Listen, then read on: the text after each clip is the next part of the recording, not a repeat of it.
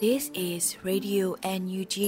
the voice of National Unity Government of Myanmar, broadcasting for Myanmar's Spring Revolution. Radio NUG is transmitting from shortwave 16 meter 17.79 megahertz at 8:30 a.m. and 25 meter 11.94 megahertz at 8:30 p.m. Myanmar Standard Time. မင်္ဂလာပါရှင်။အမျိုးသားညီညွတ်ရေးအစိုးရရဲ့အတန်လွတ်ဌာန Radio NUG ကိုမန္တပိုင်း၈နိုင်ခွဲမှာလိုင်းတူ6မီတာ19.3ခွန်ကုန်းမဂါဟတ်စ်နဲ့ညပိုင်း၈နိုင်ခွဲမှာလိုင်းတူ25မီတာ17.3ကိုလီမဂါဟတ်စ်တို့မှာဓာတ်ရိုက်ဖမ်းယူနားဆင်နိုင်ပါပြီရှင်။မင်္ဂလာအပေါင်းနဲ့ပြည့်စုံကြပါစေ။အခုချိန်ကစပြီး Radio NUG စီစဉ်လေးကိုဓာတ်ရိုက်အတန်လွှင့်ပေးနေပါပြီ မြန်မာနိုင်ငံသူနိုင်ငံသားအပေါင်းတဘာဝဘီစစ်အာဏာရှင်ဘေးတို့ကနေကင်းဝေးပြီးဘေးကင်းလုံခြုံကျန်းမာကြပါစေလို့ရေဒီယိုအန်ယူဂျီအဖွဲ့သားများကဆုတောင်းမြတ်တာပို့သလိုက်ရပါတယ်ရှင်ပထမဆုံးအနေနဲ့ကာကွယ်ရေးဝန်ကြီးဌာနရဲ့စစ်ရေးသတင်းချင်းချုပ်ကိုမောင်ကျူးမှတင်ပြပေးမှာဖြစ်ပါတယ်ရှင်အမျိုးသားညီညွတ်ရေးအစိုးရ ကာကွယ်ရေးဝန်ကြီးဌာနကထုတ်ပြန်တဲ့နေ့စဉ်စီးရဲသတင်းချင်းချုပ်ကိုတင်ပြပါတော့မယ်ခင်ဗျာ။ဈေးများရာစစ်ကောင်စီတပ်သား6ဦးသေဆုံးပြီး18ဦးဒဏ်ရာရရှိခဲ့ပါတယ်။စစ်ကောင်စီနဲ့တိုက်ပွဲဖြစ်ပွားမှုသတင်းများကိုပထမဦးစွာတင်ပြပါမယ်ခင်ဗျာ။မွန်ပြည်နယ်မှာ2022ခုနှစ်အောက်တိုဘာလ25ရက်နေ့မနက်6:26မိနစ်ခန့်ကပေါင်းမြို့နယ်မှာစစ်ကောင်စီကား6စီးပါရင်တန်းရဲ့8စီးမြောက်ကားကိုဒေသကာကွယ်ရေးအဖွဲ့ကမိုင်းဆွဲတိုက်ခိုက်ခဲ့ပါတယ်။အော်တိုဘာလ24ရက်နေ့ည8:00နာရီခန့်က ထုံမြို့နယ်နဲ့ဘီလီမြို့ကြားစစ်ကောင်စီကားရင်တန်းကိုဒေသကာကွယ်ရေးအဖွဲ့ကမိုင်းဆွဲတက်ခတ်ခဲ့ရာကားလေးစီးပျက်စီးကစစ်ကောင်စီတပ်သား6ဦးသေဆုံးပြီး18ဦးဒဏ်ရာရရှိခဲ့ပါတယ်။အခုတိုင်းမှာအော်တိုဘာလ22ရက်နေ့မနက်9:40မိနစ်မှမနက်8:25မိနစ်ခန့်ထိကံကောင်းမြို့နယ်ကံရွာမှကံကောင်းမြို့ဘက်ကိုပြန်ဆုတ်လာတဲ့အင်အား100ခန့်ပါစစ်ကောင်စီစစ်ကြောင်းကိုကျွဲနန်းရွာအရှိတ်ရုံးမတောင်ကျောပေါ်မှာပြည်သူ့ကာကွယ်ရေးတပ်မတော်ကံကောခရိုင်အမှတ်1တန်းရဲနဲ့ ABSDF KKG နပတပကပပူပေါင်းတပ်ဖွဲ့များကစောင့်ကြိုတက်ခတ်ခဲ့ရာစစ်ကောင်စီတပ်သားများအထိနာခဲ့ပြီးပြည်သူ့ဘက်ကွဲရဲဘော်3ဦးထိခိုက်ဒဏ်ရာရရှိခဲ့ပါတယ်။ရန်ကုန်တိုင်းမှာအော်တိုဘလ24ရက်နေ့ည6:40မိနစ်ခန့်ကရှိပြည်သာမြို့နယ်တော်ဝင်ရဲစခန်းဝင်းအတွင်းကိုပြည်သူ့ကာကွယ်ရေးတပ်ဖွဲ့ YUGA MO7 Eagle Black Tiger UG team တို့ပူးပေါင်းပြီးလက်ပစ်ပုံးနဲ့ပြသွင်းတိုက်ခိုက်ခဲ့ပါတယ်။ စကောက်စီရကျွန်တော်နဲ့ရာသီမှုများကြောင့်ကိုဆက်လက်တင်ပြပါမယ်ခင်ဗျာ။ခိုင်းနေပါ။အော်တိုဘာလ25ရက်နေ့မနက်9:00နာရီခန့်ကဘုဒ္ဓလင်မြို့နယ်မကြီးအုပ်ကျေးရွာကိုစစ်ကောင်စီတပ်သားများကလက်နက်ကြီးများနဲ့ပစ်ခတ်ဝင်ရောက်ခဲ့ရာတားမီ3တနက်ထိမှန်ခဲ့ပြီးမျိုးသမီးတအုပ်တည်ဆုံခဲ့ပါတယ်။အော်တိုဘာလ24ရက်နေ့ကကမ်ဘလူမြို့နယ်ညံအင်းကျေးရွာနဲ့ရွာမကျေးရွာကိုစစ်ကောင်စီတပ်သားများဝင်ရောက်ခဲ့ပြီးနေ18လုံးနဲ့နွားရဲများကိုမိရှုဖျက်ဆီးခဲ့ပါတယ်။အော်တိုဘာလ24ရက်နေ့ည9:30မိနစ်ခန့်က စကိုင်းမြို့နယ်စင်တက်ကြေးရွာရွာတော်မှရှိတာဝါတိုင်းအနီးမှာစင်တက်ကြေးရွာအုပ်ချုပ်ရေးမှူးဦးဆောင်တဲ့ပြူစောတိအဖွဲ့ရဲ့မွေးရရန်ကပြစ်ခတ်မှုကြောင့်သားမိနှစ်ဦးကြီးထိမှန်ခဲ့ပါတယ်။ပြည်ခင်ပြည်သူမျိုးသမီးမှာလက်မောင်းကြီးထိမှန်၍အသားအစာများဖွာထွက်ခဲ့ပြီးလက်မောင်းကျိုးသွားခဲ့ပါတယ်။တနင်္သာရွယ်ကလေးငယ်ရဲ့ပေါင်စီးကုံတို့ကြီးထိမှန်ခဲ့ပြီးဆေးရုံသို့ပို့ဆောင်ခဲ့ရပါတယ်။ရန်ကုန်တိုင်းမှာအော်တိုဘာလ24ရက်နေ့ကမြိုင်ကုန်းမြို့နယ်3ရပ်ကလူငယ်2ဦးကိုစစ်ဆေးရမှာ လက်သုံးချောင်းထောင်ထားတဲ့တပ်ပုံတွေ့တဲ့အတွက်စစ်ကောင်စီတပ်သားများကဖမ်းဆီးခဲ့ပါတယ်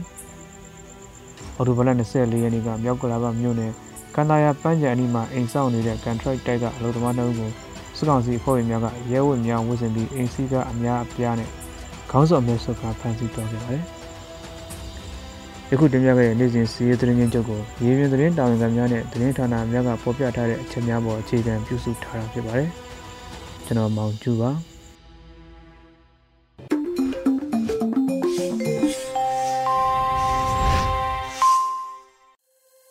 ဆက်လက်ပြီး Radio UNG ရဲ့နောက်ဆုံးရသတင်းများကို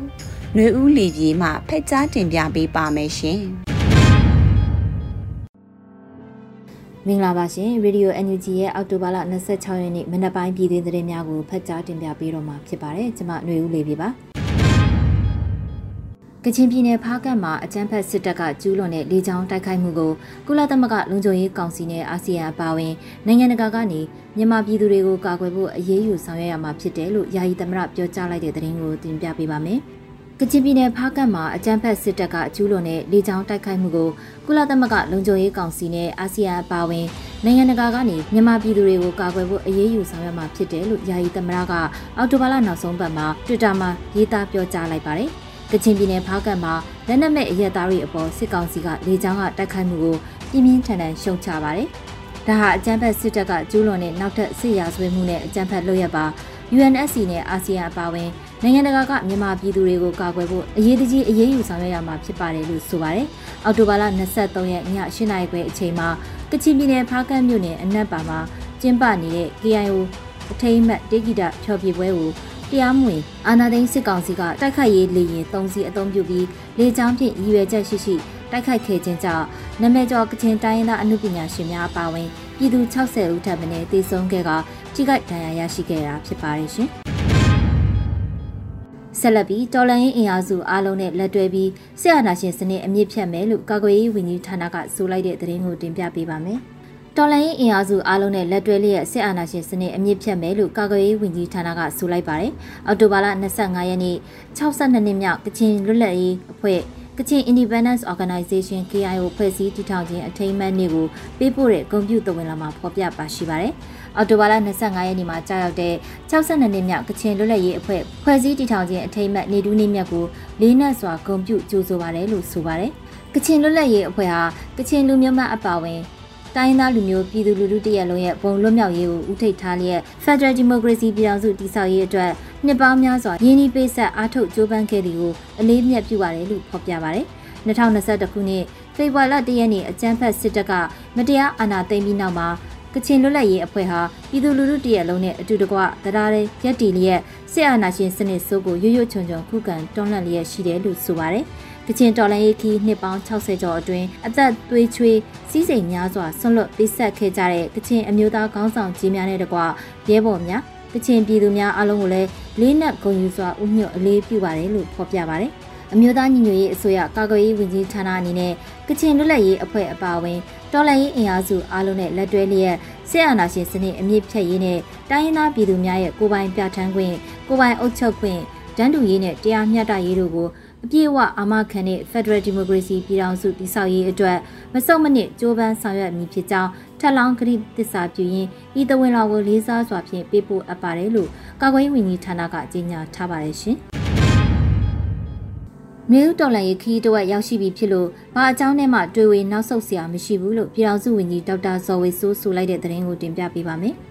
မျိုးတော်လိုင်းရေးခီးတို့ရောက်ရှိပြီးဖြစ်၍ဘာအကြောင်းနဲ့မှတွေးဝေနောက်ဆုတ်စရာမရှိဘူးလို့ပြည်တော်စုဝန်ကြီးဒေါက်တာဇော်ဝေဆိုးကအော်တိုဘာလ25ရက်နေ့မှာလူမှုကွန်ရက်မှာရေးသားပြောဆိုခဲ့ပါတယ်။ကချင်သွေးချင်းတို့အတွက်နှွေဦးတော်လိုင်းရေးရဲဘော်တွေအတွက်ကြာဆုံးခဲ့ရတဲ့ပြည်သူတို့အတွက်တို့ပြည်သူတွေနဲ့တို့ရဲဘော်တွေတက်စရေးခဲ့ကြရပြီးပြီးဘာအကြောင်းနဲ့မှနောက်ဆုတ်စရာမရှိတော်လန်ရေးခရီးတို့ရောက်ခဲ့ပြီးပြီးဘာအကြောင်းနဲ့မှတွေးဝေစရာမရှိလက်မြဲမြဲတွဲလို့တို့အားလုံးရှေ့တိုးတော်လန်ကြစို့ တို့အသက်ရှူနေသမျှတိုက်ပွဲဝင်ကြတို့အောင်ပွဲရရမယ်လို့ဆိုပါတယ်2021ခုနှစ်စက်တင်ဘာလ9ရက်နေ့မှာပြည်သူ့ခုခံတွန်းလှန်စစ်ကိုစတင်ခဲ့ပါတယ်။လက်ရှိမှာပြည်သူ့ခုခံတွန်းလှန်စစ်တစ်နှစ်တာကာလအတွင်းစစ်ကောင်စီတပ်ဘက်က2000ကျော်တေဆုံးခဲ့ပါတယ်ရှင်။ဆက်လက်ပြီးဝင်းကြီးဌာနရန်ပုံငွေကျပ်သိန်း100ကလွဲလို့အန်ယူဂျီအစိုးရမှဝင်းကြီးဒုဝင်ကြီးများလစာခန်းစားခွင့်မယူတဲ့သတင်းကိုတင်ပြပေးပါမယ်။ ဝန်ကြီးဌာနရန်ပုံငွေကျပ်သိန်း100ကလွဲလို့ NUG အစိုးရအဖွဲ့မှဝန်ကြီးကျူးဝင်ကြီးများလစာခန်းစားခွင့်မယူဘူးလို့သတင်းရရှိပါတယ်။အော်တိုဘာလအတွင်း CDM ကျောင်းဆရာတဦးမှ NUG ကျူးဝင်ကြီးတဦးလစာဘတ်6000ရယူခန်းစားတယ်လို့ဆွဆွဲရေးသားခဲ့ပါတယ်။ NUG စီမံဘဏ္ဍာကပြောရေးဆိုခွင့်ရှိသူကမက်ရွှေမိုးကိုရီးယားကိုပြန်လည်ဖြေကြားချက်အရ ဝန်ကြီးဌာနတိုင်းအတွက်ရန်ပုံငွေမြန်မာသိန်း100ကျပ်သတ်မှတ်ထားပေမဲ့လည်းရုံးသုံးစရိတ်သာဖြစ်ပြီးတော့ဝန်ကြီးတူဝင်ကြီးများလစာခန်းစားခွင့်မရှိဘူးလို့သတင်းရရှိပါတယ်။ဝန်ကြီးဌာနတွေကိုရုံးသုံးစရိတ်ပေးကြတော့ရှိပါတယ်။အချုပ်ဝန်ကြီးဌာနတွေကအဲ့အသုံးစရိတ်ကို CDM တွေကိုပံ့ပိုးပေးတယ်လို့ပြည်ထောင်စုလွှတ်တော်ကိုစားပြုကော်မတီပြည်သူ့ရေးရကော်မတီမှအတွင်ရေးမှူးဒေါ်အီအီပြုံးကဆိုပါတယ်။ လက်တလုံးမှာအမျိုးသားညီညွတ်ရေးအစိုးရအဖွဲ့ဝင်များကိုလူမှုကွန်ရက်စာမျက်နှာမှာဆွဆွဲပြောဆိုရေးသားမှုတွေရှိနေပေမဲ့လည်းအခြေအမြစ်ထောက်ထားမရှိတဲ့ပြောဆိုမှုများသာဖြစ်ကြောင်းနိုင်ငံရေးသုံးသပ်သူတူကလည်းဆိုထားပါတယ်ရှင်။ဆက်လက်ပြီးစစ်ကောင်စီဘုံကျဲခဲ့တဲ့အနံ့ပါဟာ KIA စကန်မဟုတ်ဘူးလို့ဗိုလ်ချုပ်ကွမ်မော်ဆိုလိုက်တဲ့သတင်းကိုတင်ပြပေးပါမယ်။ စစ်ကောင်စီဘုံကျဲခဲ့တဲ့အနံ့ပါဟာ KIA စကန်မဟုတ်ဘူးလို့ဗိုလ်ချုပ်ကွမ်မော်ကအော်တိုဘာလ25ရက်နေ့မှာလူမှုကွန်ရက်ကတဆင့်ရေးသားပြောဆိုလိုက်ပါတယ်။အနံ့ပါဆိုတာ KIA စကန်မဟုတ်ပါခီးသွားများခိတနားကြတဲ့ဈေးဆိုင်တန်းစကန်ငယ်လေးသာဖြစ်ပါတယ်လို့ဆိုပါတယ်။အနံ့ပါမှာအသက်ဆုံးရှုံးခဲ့ရသူများအားလုံးကောင်းရဘုံတို့ရောက်ရှိကြပါစေ။ထိခိုက်ဒဏ်ရာရသူများကိုလည်းဆုတောင်းမေတ္တာပို့သပါရယ်မိသားစုများအားလုံးနဲ့ထပ်တူကြေကွဲဝမ်းနည်းရတယ်လို့လည်းဆိုထားပါတယ်။ ဒါ့ပြင်ဝမ်းနည်းကြေကွဲမှုနဲ့မျက်ရည်တွေဟာတမိုးမဖြတ်နိုင်တဲ့ရင်းနှီးမှုတွေဖြစ်လာမှာပါလို့ဆိုကမိတူကိုအကြမ်းဖက်စစ်ကောင်းဆောင်မြင့်အောင်လှိုင်ကိုလိတ်မှုထားပါတယ်ရှင်။ဆက်လက်ပြီးစေဘုံမှုတယောက်ကချင်ပြည်နယ်ကိစ္စကိုဝန်ထဲကြောင်း Black Profile ချင်း၍ဖမ်းဆီးခံရတဲ့သတင်းကိုတင်ပြပေးပါမယ်။စေးပုံမှုတယောက်ကချင်ပြည်နယ်ကိစ္စကိုဝန်ထဲကြောင်းအနေနဲ့ Black Profile ချင်း၍ဖမ်းဆီးခံရတယ်လို့သတင်းရရှိပါတယ်။အော်တိုဘာလ25ရက်နေ့မှာ Captain Zero ကအတိပေးဆိုထားပါတယ်။ စေးပုံမှုတယောက်ကချင်ပြည်နယ်ကိစ္စကိုဝန်ထဲကြောင်း Black Profile ချင်းတဲ့ case နဲ့အဖမ်းခံလိုက်ရတယ်။အခုချိန်ရောက်တဲ့အထိအကြောင်းမျိုးမျိုးကြောင့် CDM လုပ်လို့မရတဲ့အဆုံးမထူးဆက်ခင်းသွားတာလည်းဖြစ်နိုင်ပေမဲ့တက်ထဲကနေထွက်ခွင့်မရလို့လှုပ်လိုက်တဲ့နီးတဲ့တစ်ခုလည်းဖြစ်ဖို့များပါတယ်။ဘာကြောင့်လဲဆိုတော့စစ်သားအများစုဟာတရားဝင်ထွက်ခွင့်ဆိုတာကိုအင်တန်လိုချင်ကြပါတယ်။ CDM သာမလုပ်ချင်ကြပေမဲ့တရားဝင်ထွက်ချင်ကြတယ်လို့ဆိုပါတယ်။လက်ရှိမှာစစ်ကောင်စီတပ်က တပ်တွင်းထွက်ပြေးပါကပြန်လည်ဖမ်းဆီးမိရင်အနည်းဆုံးထောင်ဒဏ်9နှစ်ချမှတ်နိုင်ကြောင်းသိရပါတယ်ရှင်။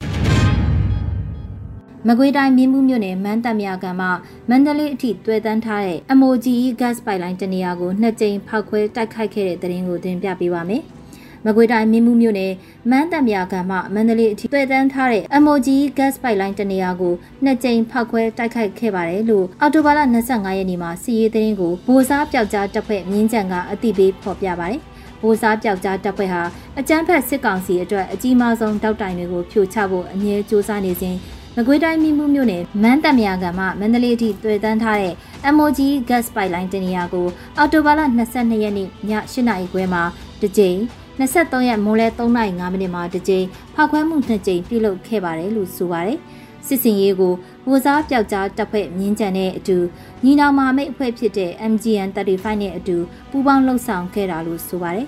စကားစားအတွက်အကြီးမားဆုံးတောက်တိုင်တစ်ခုဖြစ်နေလို့ကျွန်တော်တို့ဖောက်ခွဲလိုက်ရခြင်းဖြစ်သလိုစစ်ကောင်စီကိုအထောက်အကူပြုနေတဲ့မြည်သည့်တောက်တိုင်ကိုမဆိုတတိပေးနေမှာမဟုတ်ပဲလှုပ်ရှားရှိတာဆက်လက်လှုပ်ဆောင်သွားမှာဖြစ်ပါတယ်လို့ဗိုလ်စားပြောက်ကြားတပ်ဖွဲ့ကဆိုပါတယ် အခုတင်ပြပေးခဲ့တဲ့သတင်းတွေကိုတော့ Radio NUG သတင်းတောက်မင်းမင်းကပေးပို့ထားတာဖြစ်ပါတယ်ရှင်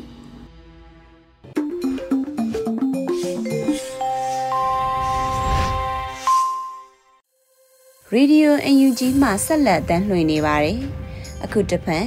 မြင့်အောင်တန်ရေးသားထားတဲ့လူလိုတဲ့လို့အမည်ရှိတဲ့ကြပြားကိုလွတ်လပ်နေဦးမှခန်းစားတင်ဆက်ပေးမှာဖြစ်ပါတယ်ရှင်။လူလိုတယ် ငါတို့ဘက်ကနိုင်ဖို့လူလိုသေးတယ်လူဖြစ်ပြီးလူတန်ဖိုးမသိတဲ့လူတွေလူဖြစ်ပြီး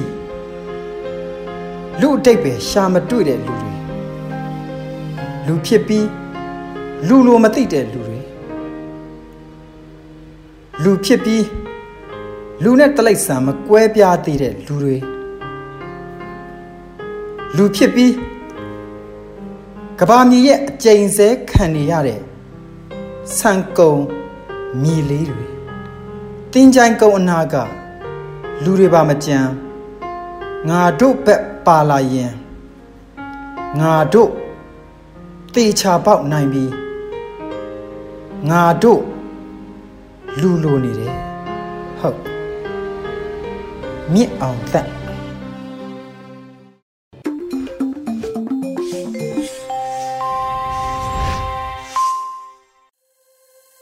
ရေဒီယို UNG မှဆက်လက်တမ်းလွှင့်နေပါတယ်အခုတဖန်ပြည်သူခုခံတော်လှန်စစ်တရေများကိုຫນွေဦးလိပ်ပြမှတင်ဆက်ပေးမှာဖြစ်ပါတယ်ရှင်ပထမဦးစွာစကိုင်းရွှေဘုံမြို့နယ်တွင်စစ်ကား၃စီးမိုင်းဆွဲတိုက်ခိုက်ခံရပြီး၈ဦးသေဆုံးတဲ့တဲ့ရင်တင်ဆက်ပါမယ်။ ဝက်လက်မြို့နယ်မုံဆိုးချုံကြီးရွာကိုဘီရှုဖျက်ဆီးပြီးပြန်လာတဲ့စစ်ကား၃စီးကိုရွှေဘုံမြို့နယ်ဖုံဖွဲနှင့်ဇီးတော်ကြီးရွာအကြားတွင်ပရိသမိုင်း၁၂လုံးဖြင့်၃နေရာခွဲပြီးမိုင်းဆွဲတိုက်ခိုက်ခဲ့တာပါအဆိုပါမိုင်းဆွဲတိုက်ခိုက်မှုကြောင့်စစ်ကား၃စီးလုံးထိမှန်ကစစ်သား၈ဦးသေဆုံးပြီးထိခိုက်ဒဏ်ရာရရှိသူ၁၀ဦးရှိကြောင်းတံပြားကားဖော်ကားတစ်စီးမှာပျက်စီးသွားပြီးကျိုးဖြင့်ဒရွတ်တိုက်ရွှေဘို့တို့ပြန်လည်ယူဆောင်သွားကြောင်းသိရှိရပါတယ်။ဆက်လက်ပြီး မုံရွာမန္တလေးလမ်းပိုင်းတွင်စစ်ကားသုံးစီးမိုင်းဆွဲတိုက်ခိုက်ခံရတဲ့တဲ့ရင်တင်ဆက်မှာပါ။စကိုင်းတိုင်းမုံရွာမန္တလေးလမ်းပိုင်းတွင်စစ်ကားသုံးစီးမိုင်းဆွဲတိုက်ခိုက်ခံရပြီးထိခိုက်ဒေဆုံးမှုရှိကြောင်းသိရှိရပါတယ်။ အောက်တိုဘာလ24ရက်နေ့ညနေ9:20မိနစ်တွင်0ပျောက်ကြားတပ်ဖွဲ့မြင်းကျန်နှင့် G4G PDF တို့မှမြင်းမူမှစစ်ကြောင်းထိုးပြန်လာသည့်စစ်ကား3စီးကို မုံရွာမန္တလေးလမ်းမပိုင်းရှိရွာမနှင့်နက်ခရိုင်အကြားတွင်ပဒေသာမိုင်းရှစ်လုံးဖြင့်ဖောက်ခွဲတိုက်ခိုက်ခဲ့ပြီးထိခိုက်ဒေဆုံးမှုရှိတော်လဲအရေးအတွက်အတိမပြုနိုင်သေးကြောင်း0ပျောက်ကြားတပ်ဖွဲ့ထံမှသိရှိရတာပါအရာတော်တွင်စိုက်ကဲစီးလာသည့်စစ်သား2ဦးပါဆယ်မိုင်းဖြင့် ထိုက်ကိုက်ခံရပြီးတဦးသေဆုံးတဲ့တဲ့ရင်ဆက်လက်တင်ဆက်မှာပါ။စကိုင်းတိုင်းအရာတော်မြို့နယ်တွင်စိုက်ကယ်စီးလာသည့်စစ်သား2ဦးပါဆယ်ဘုံဖြင့်တိုက်ခိုက်ခံရပြီးတဦးသေဆုံးကြောင်းသိရှိရပါတယ်။အောက်တိုဘာလ23ရက်နေ့နနက်9:40မိနစ်တွင်အရာတော်မြေချီရတော်အနီးစိုက်ကယ်စီးလာသည့်စစ်သား2ဦးကိုဒေသခံကာကွယ်ရေးတပ်ဖွဲ့များကပါဆယ်ဘုံဖြင့်တိုက်ခိုက်ခဲ့ပြီးစစ်သား2ဦးသေဆုံးကတဦးအပြင်းထန်ဒဏ်ရာရရှိခဲ့ကြောင်းသိရှိရတာပါ။ ထို့အတူစကိုင်းတိုင်းမုံရွာမြို့အဝင်းစစ်တပ်တပ်ဆွဲထားသောမအူဂိတ်နှင့်ကညာနာယုံကိုကာကွယ်ရေးတပ်ဖွဲ့များကတိုက်ခိုက်ခဲ့ကြောင်းလည်းဒေသသတင်းရင်းမြစ်တွေကဆိုပါရရှင်။နောက်ဆုံးအနေနဲ့ဒဇယ်ရင်စစ်တပ်စစ်ကြောင်းမိုင်းဆွဲတိုက်ခိုက်ခံရပြီး၃ဦးသေဆုံးတဲ့သတင်းတင်ဆက်မှာပါ။စကိုင်းတိုင်းဒဇယ်မြို့နယ်တွင်စစ်တပ်စစ်ကြောင်းမိုင်းဆွဲတိုက်ခိုက်ခံရပြီးစစ်သား၃ဦးသေဆုံးကြောင်းသိရှိရပါတယ်။ အောက်တိုဘာလ24ရက်နေ့နနက်10:00နာရီခန့်တွင်ဒဇယ်မြို့နယ်အတွင်းအင်အား200ခန့်ဖြင့်ရေရင်းရွာနှင့်စိန်နှန်းရွာအကြားမောင်နှမတောင်ချေတွင်စစ်ကြောင်းထိုးလာသည့်အကြမ်းဖက်စစ်တပ်မိုင်းဆွဲတိုက်ခိုက်ခံရပြီးစစ်သား3ဦးသေဆုံးခဲ့တာပါ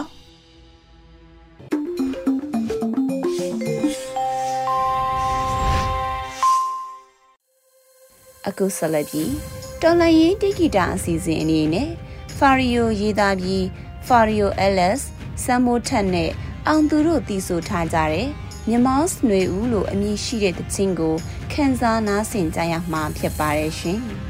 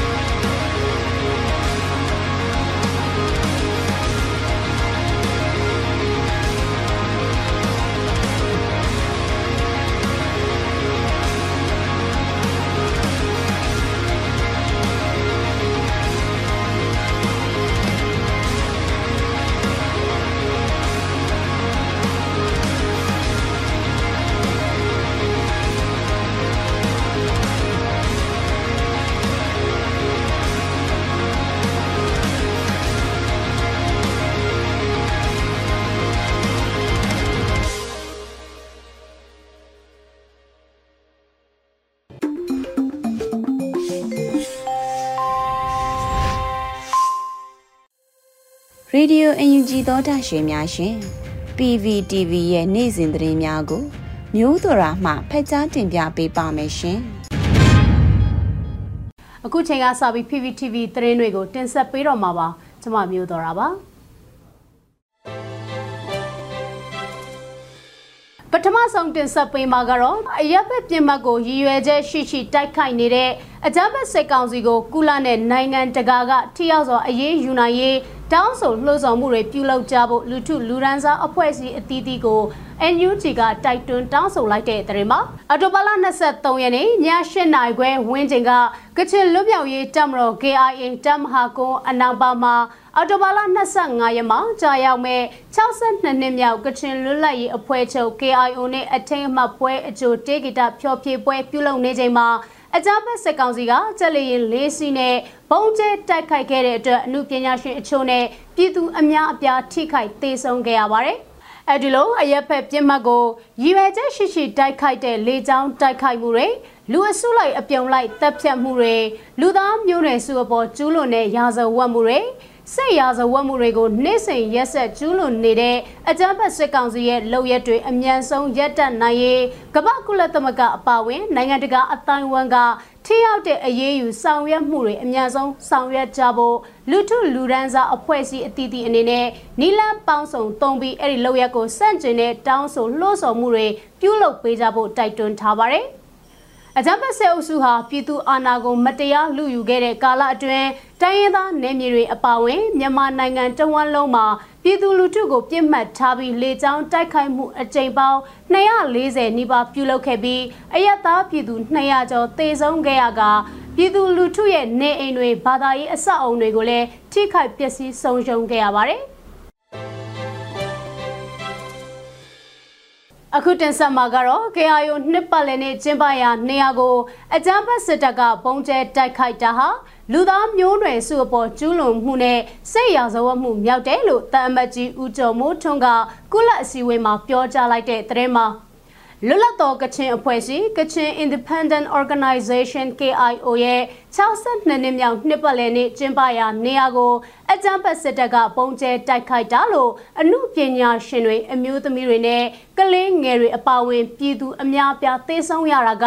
လူသားမျိုးနွယ်စုပေါ်ကျူးလွန်မှုနဲ့စိတ်ရာဇဝတ်မှုမြောက်တယ်လို့ကုလသမဂ္ဂဆိုင်ရာမြန်မာအမြဲတမ်းကိုယ်စားလှယ်တန်အမတ်ကြီးဦးကျော်မိုးထွန်းကပြောကြားလိုက်ပါတယ်။ အကြမ်းဖက်စစ်တပ်ကအောက်တိုဘာ23ရက်ညမှာ KIO 62နှစ်မြောက်နှစ်ပတ်လည်နေ့ကျင်းပရာနေရာကိုလေကြောင်းနဲ့ပုံကျဲတိုက်ခိုက်မှုပြုလုပ်ခဲ့လို့အမှုပညာရှင်တွေအမျိုးသမီးတွေနဲ့ကလေးသူငယ်တွေအပါအဝင်လူပေါင်း80ကျော်သေဆုံးသွားခဲ့ရပါတယ်။တာမတ်ကြီးဦးကျော်မိုးထွန်းကအဆိုပါတိုက်ခိုက်မှုကစစ်တပ်ရဲ့တခုတီးသောလူမဆန်တဲ့ရက်ဆက်ရုပ်မာမှုမဟုတ်ပါကြောင်း စစ်တပ်ကလွန်ခဲ့တဲ့လပေါင်း20ခန့်အတွင်းနိုင်ငံအတွင်းရှိပြည်သူတွေအပေါ်အကြိမ်240ထက်ပိုတဲ့လေကြောင်းတိုက်ခိုက်မှုတွေပြုလုပ်ခဲ့ပါကြောင်းစစ်တပ်ကလက်နက်နဲ့ဆက်ဆက်နည်းပညာတွေဆက်လက်ရရှိနေမယ်ဆိုပါက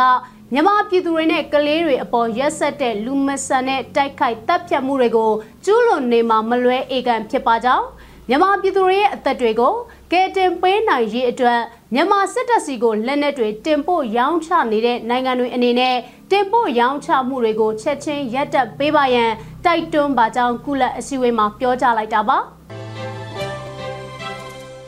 အယက်သားတွေကိုပြစ်မှတ်ထားတဲ့စစ်ကောင်စီရဲ့ဖားကန်လေကြောင်းတိုက်ခိုက်မှုကိုစစ်ရာဇဝတ်မှုကျူးလွန်တာဖြစ်တယ်လို့တိုင်းရင်းသားတော်လှန်ရေးအဖွဲ့တွေထုတ်ပြန်လိုက်တဲ့သတင်းမှာကချင်ပြည်နယ်ဖားကန်မြို့နယ်မှာစစ်ကောင်စီတပ်ကလေကြောင်းတိုက်ခိုက်ခဲ့လို့ပြည်သူလူထုအပါအဝင်လူသေးဆုံးထိခိုက်မှုများများပြားခဲ့သည့်ဖြစ်ရအပေါ်ဝမ်းနဲ့ကြေခွဲကြောင်းနဲ့စစ်ကောင်စီရဲ့လုပ်ရဟာစစ်ရာဇဝတ်မှုကျူးလွန်ခြင်းဖြစ်တယ်လို့တိုင်းရင်းသားတော်လှန်ရေးလက်နက်ကိုင်အဖွဲ့တွေကထုတ်ပြန်ခဲ့ပါတယ်။အမှုပညာရှင်များနဲ့ပြည်သူများစုဝေးပြီးကီတပွဲပြုလုပ်နေချိန်မှာစစ်ကောင်စီကလေကြောင်းမှတိုက်လေရင်များအုံပြုပစ်ခတ်တိုက်ခိုက်တာဟာလူမဆန်တဲ့လုပ်ရဖြစ်ပြီးစစ်ရာဇဝတ်မှုကိုပြောင်ပြောင်တင်းတင်းကျူးလွန်ခြင်းဖြစ်တယ်လို့ကြားကာလာချင်းမျိုးသားအတိုင်ပင်ခံကောင်စီ ICNCC ကထုတ်ပြန်ခဲ့ပါတယ်။ဂိနီအမျိုးသားတိုးတက်ရေးပါတီ KNPP ကလည်းစစ်ကောင်စီရဲ့လူမဆန်တဲ့အကြမ်းဖက်တိုက်ခိုက်မှုကိုပြင်းပြင်းထန်ထန်ရှုံချပြီး ပြစ်ခတ်မှုဖြစ်ပွားခဲ့တဲ့နေရာဒေသဟာစစ်ရေးလှုပ်ရှားမှုနဲ့စစ်ပွဲများဖြစ်ပွားနေတဲ့နေရာဒေသမဟုတ်တဲ့အတွက်စစ်ကောင်စီအနေနဲ့တမင်သက်သက်အရက်သားတွေကိုပြစ်မှတ်ထားတိုက်ခိုက်တာဖြစ်သလိုစစ်ရာဇဝတ်မှု war crime ကိုကျူးလွန်တာဖြစ်ကြောင်းထင်ရှားတယ်လို့ထုတ်ပြန်ခဲ့ပါတယ်။